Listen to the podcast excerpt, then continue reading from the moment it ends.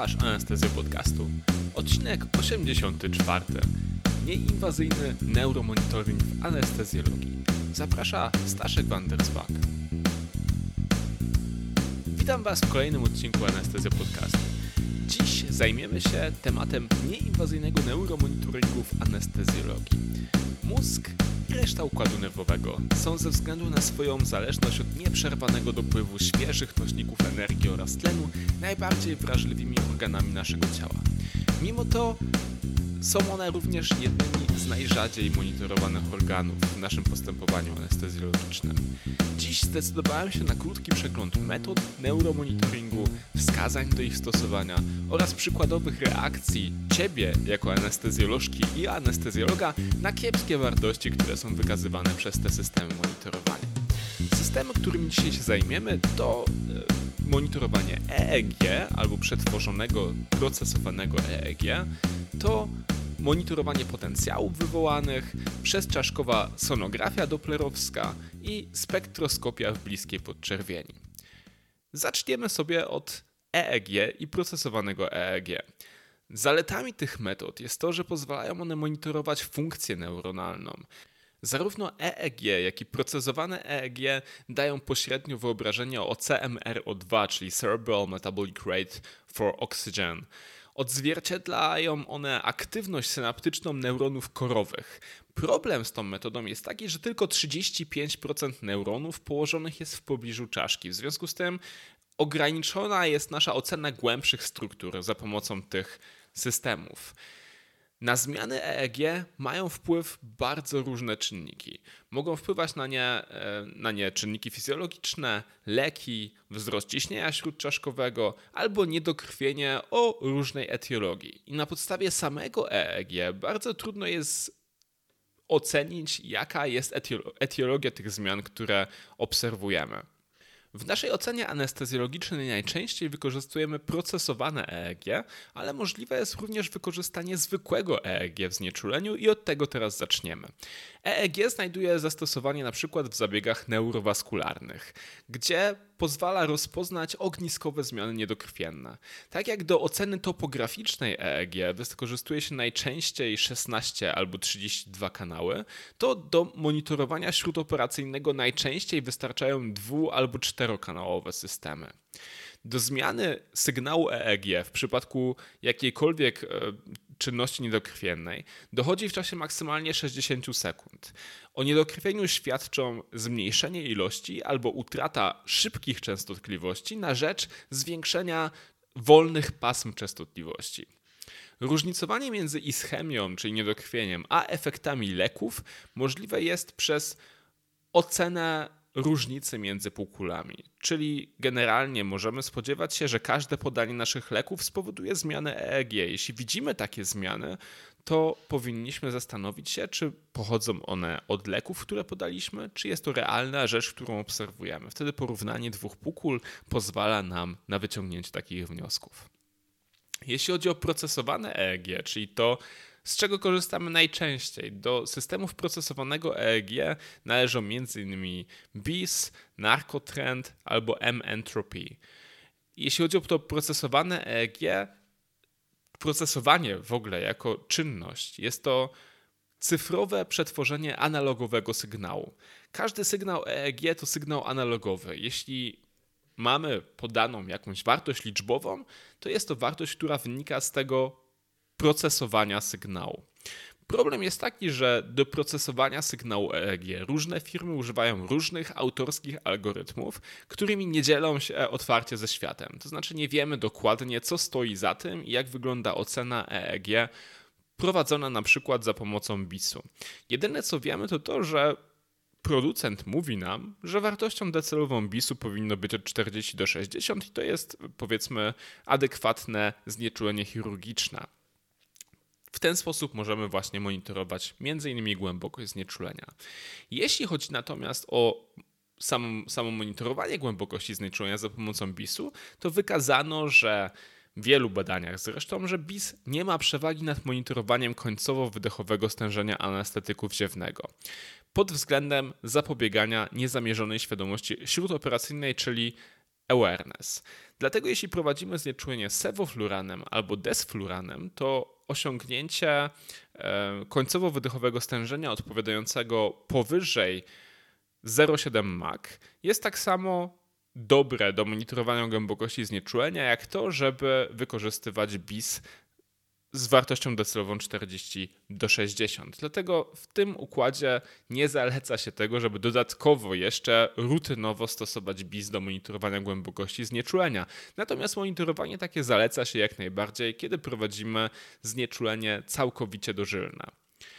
Wykazano natomiast, i to jest akurat rzecz ważna, która może sprowokować nas i skłonić nas do tego, żebyśmy założyli BIS także u osoby starszej, że stosowanie BIS do unikania zbyt głębokiego znieczulenia, a w szczególności burst suppression, pozwala minimalizować ryzyko pooperacyjnego delirium.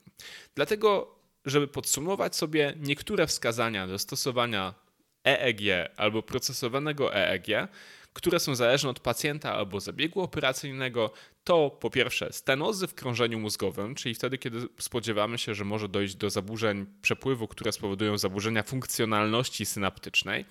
Druga rzecz, wysokie ryzyko awareness, czyli u pacjenta nawet znieczulonego anestetykiem wziewnym, jeśli jest duże ryzyko awareness, możemy chcieć jako drugi system zastosować BIS.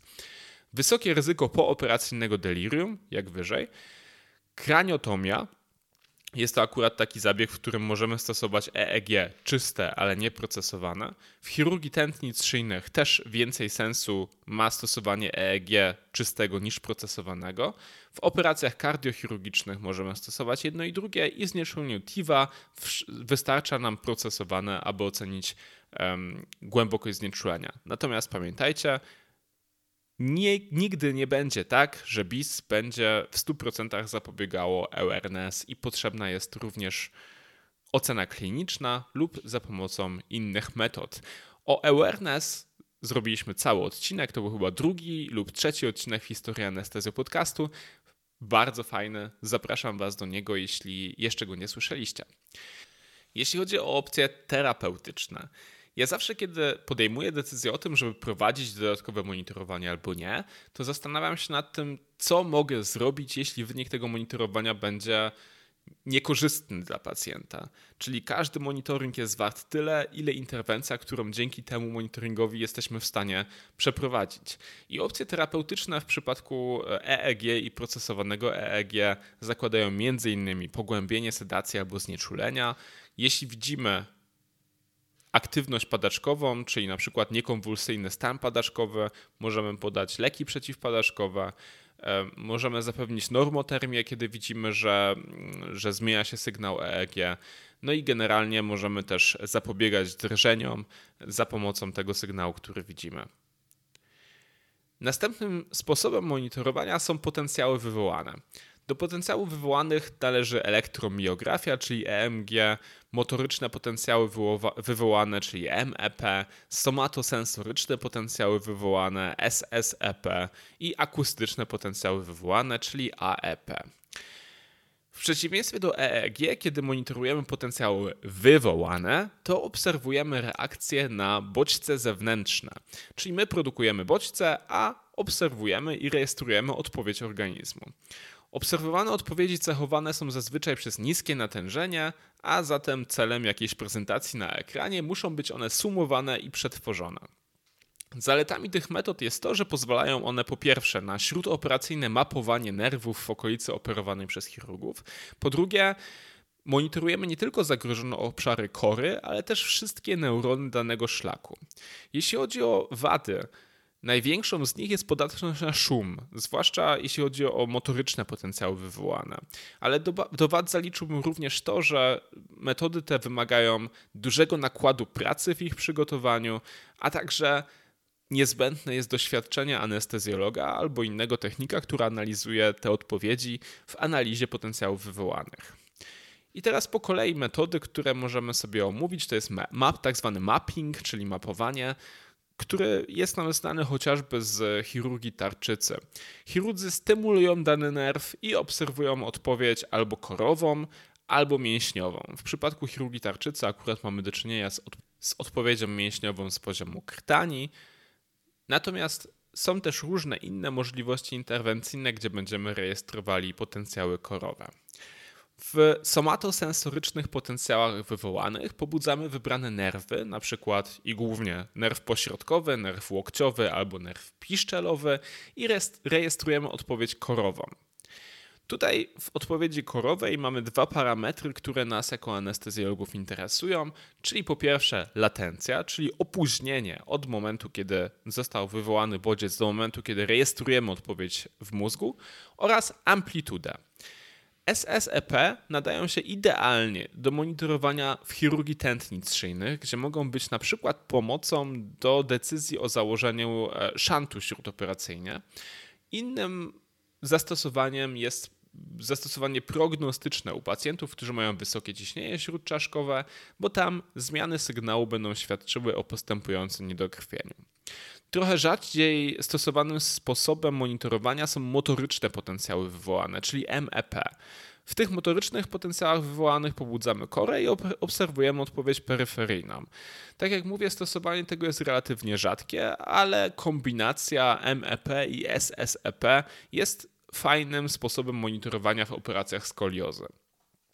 Następnym sposobem monitorowania potencjałami wywołanymi jest tak zwane AEP, czyli akustyczne potencjały wywołane, które mogą być dodatkowym sposobem oceny śródoperacyjnej świadomości, ale mogą też znaleźć zastosowanie w bardzo specjalistycznych obszarach neurochirurgii, np. operacjach podstawy czaszki, operacjach pnia mózgu albo systemu słuchowego. Potencjały wywołane generalnie są ekstremalnie wrażliwe na zewnętrzne wpływy. To jest prawdopodobnie ich największa wada, bo jednym z wpływów, na które są bardzo wrażliwe, jest głębokość znieczulenia.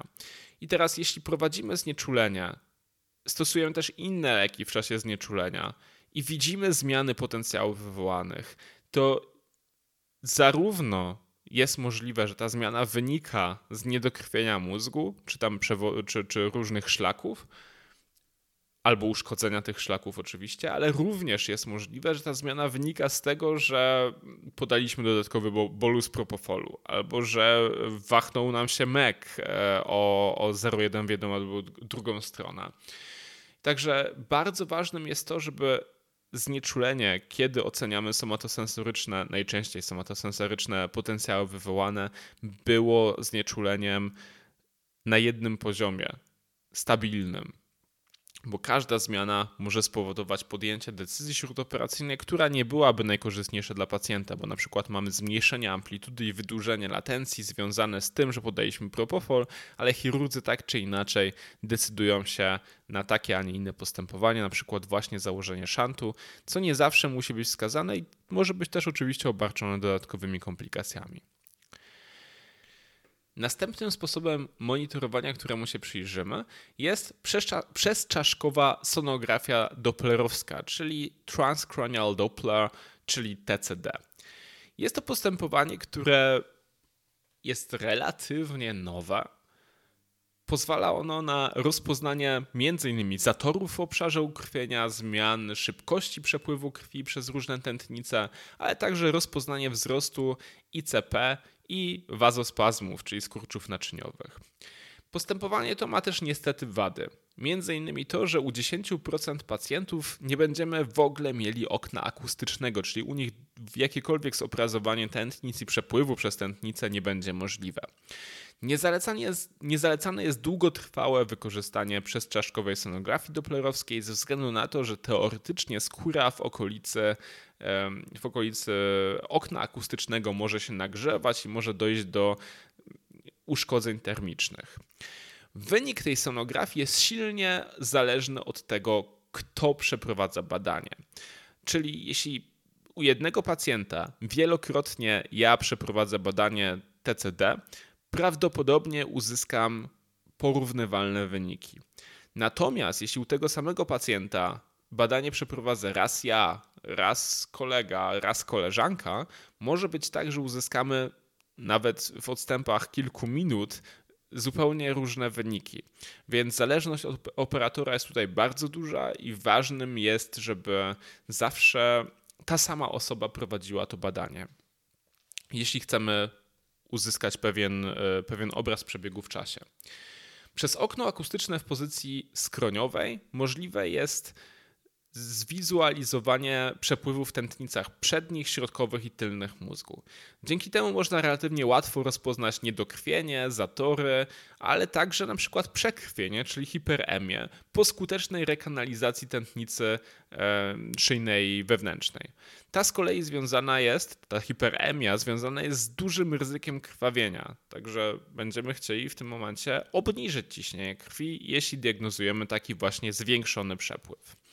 W przypadku zwiększonego ciśnienia śródczaszkowego, dzięki Dopplerowi przezczaszkowemu, możemy wcześniej, jeszcze przed dekompensacją, rozpoznać utratę przepływu rozkurczowego, bo generalnie ten przepływ przez tętnice mózgowe ma normalnie dwie fazy, fazę skurczową, fazę rozkurczową.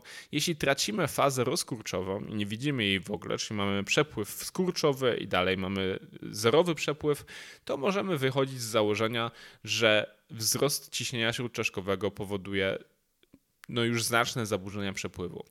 Coraz więcej prac naukowych opisuje więc ten, tego Dopplera przezczaszkowego jako rozsądną, nieinwazyjną alternatywę dla inwazyjnego monitorowania ciśnienia śródczaszkowego. Wydaje się więc, że dobre opanowanie tej metody już niebawem będzie jednym z podstawowych e, narzędzi pracy intensywistów, którzy pracują z neuropacjentami. Nie jest to trudne do nauczenia. Wiadomo, że trzeba mm, poświęcić trochę czasu na to, żeby nauczyć się przez okno akustyczne, które najpierw trzeba znaleźć, e, wizualizować wszystkie trzy tętnice, przez które ocenę, przez które przepływ chcemy ocenić.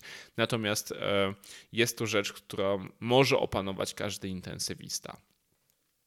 Jeśli chodzi o opcje terapeutyczne, w zależności od podejrzewanej przyczyny, jeśli widzimy zaburzenia przepływu doplerowskiego, możemy albo zwiększyć średnie ciśnienie tętnicze, albo obniżyć ciśnienie śródczaszkowe, możemy podać płyny, żeby zwiększyć rzut serca, możemy zastosować hipowentylację, bo wtedy przez wzrost e, prężności dwutlenku węgla dojdzie do rozszerzenia tętnic mózgowych, albo możemy optymalizować ułożenie głowy, bo czasami przepływ w tętnicach mózgowych jest zmniejszony dlatego, że głowa jest skręcona na przykład w jedną lub drugą stronę. Ostatnią metodą, którą chciałbym się dzisiaj zająć, jest spektroskopia w bliskiej podczerwieni.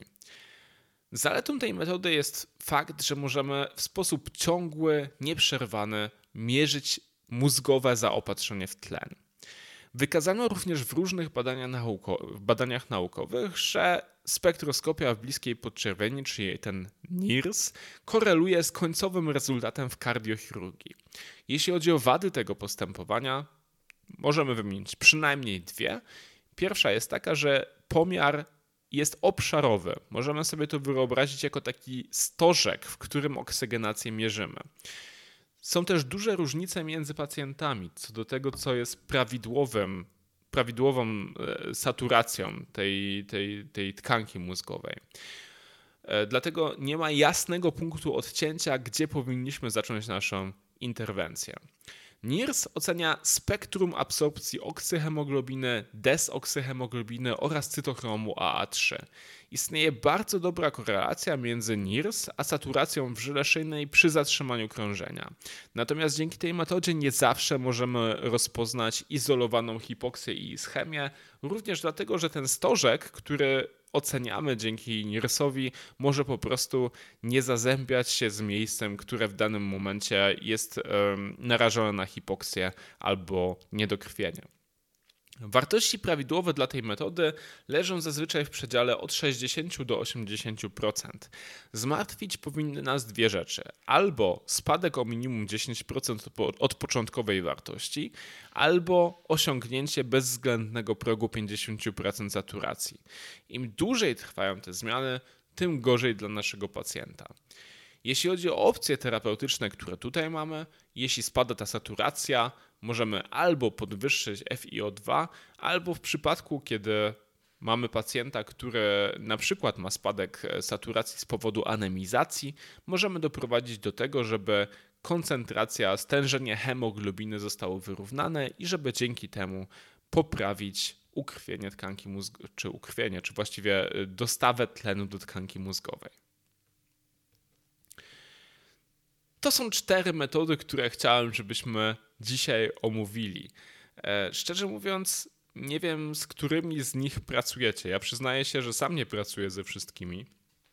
I chociażby z potencjałów wywołanych mam doświadczenie tylko z somatosensorycznymi potencjałami wywołanymi, a e, nie mam też żadnego doświadczenia z monitorowaniem nieprzetworzonego EEG. Pracujemy tylko z różnymi systemami przetworzonego EEG, zarówno z BISem, jak i z narkotrendem.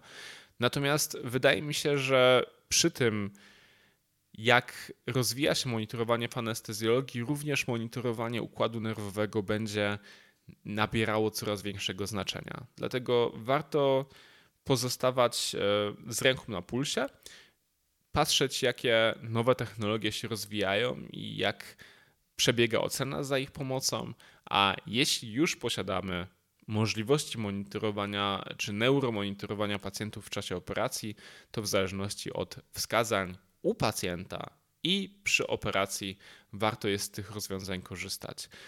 E, tym bardziej, że faktycznie przynajmniej monitorowanie procesowanego EEG jest dostępne w coraz większej ilości szpitali i e, jeśli stosujemy je zgodnie ze wskazaniami i nie u każdego pacjenta ryczałtowo, to możemy osiągnąć fajne wyniki w kontekście poprawy rokowania pacjenta.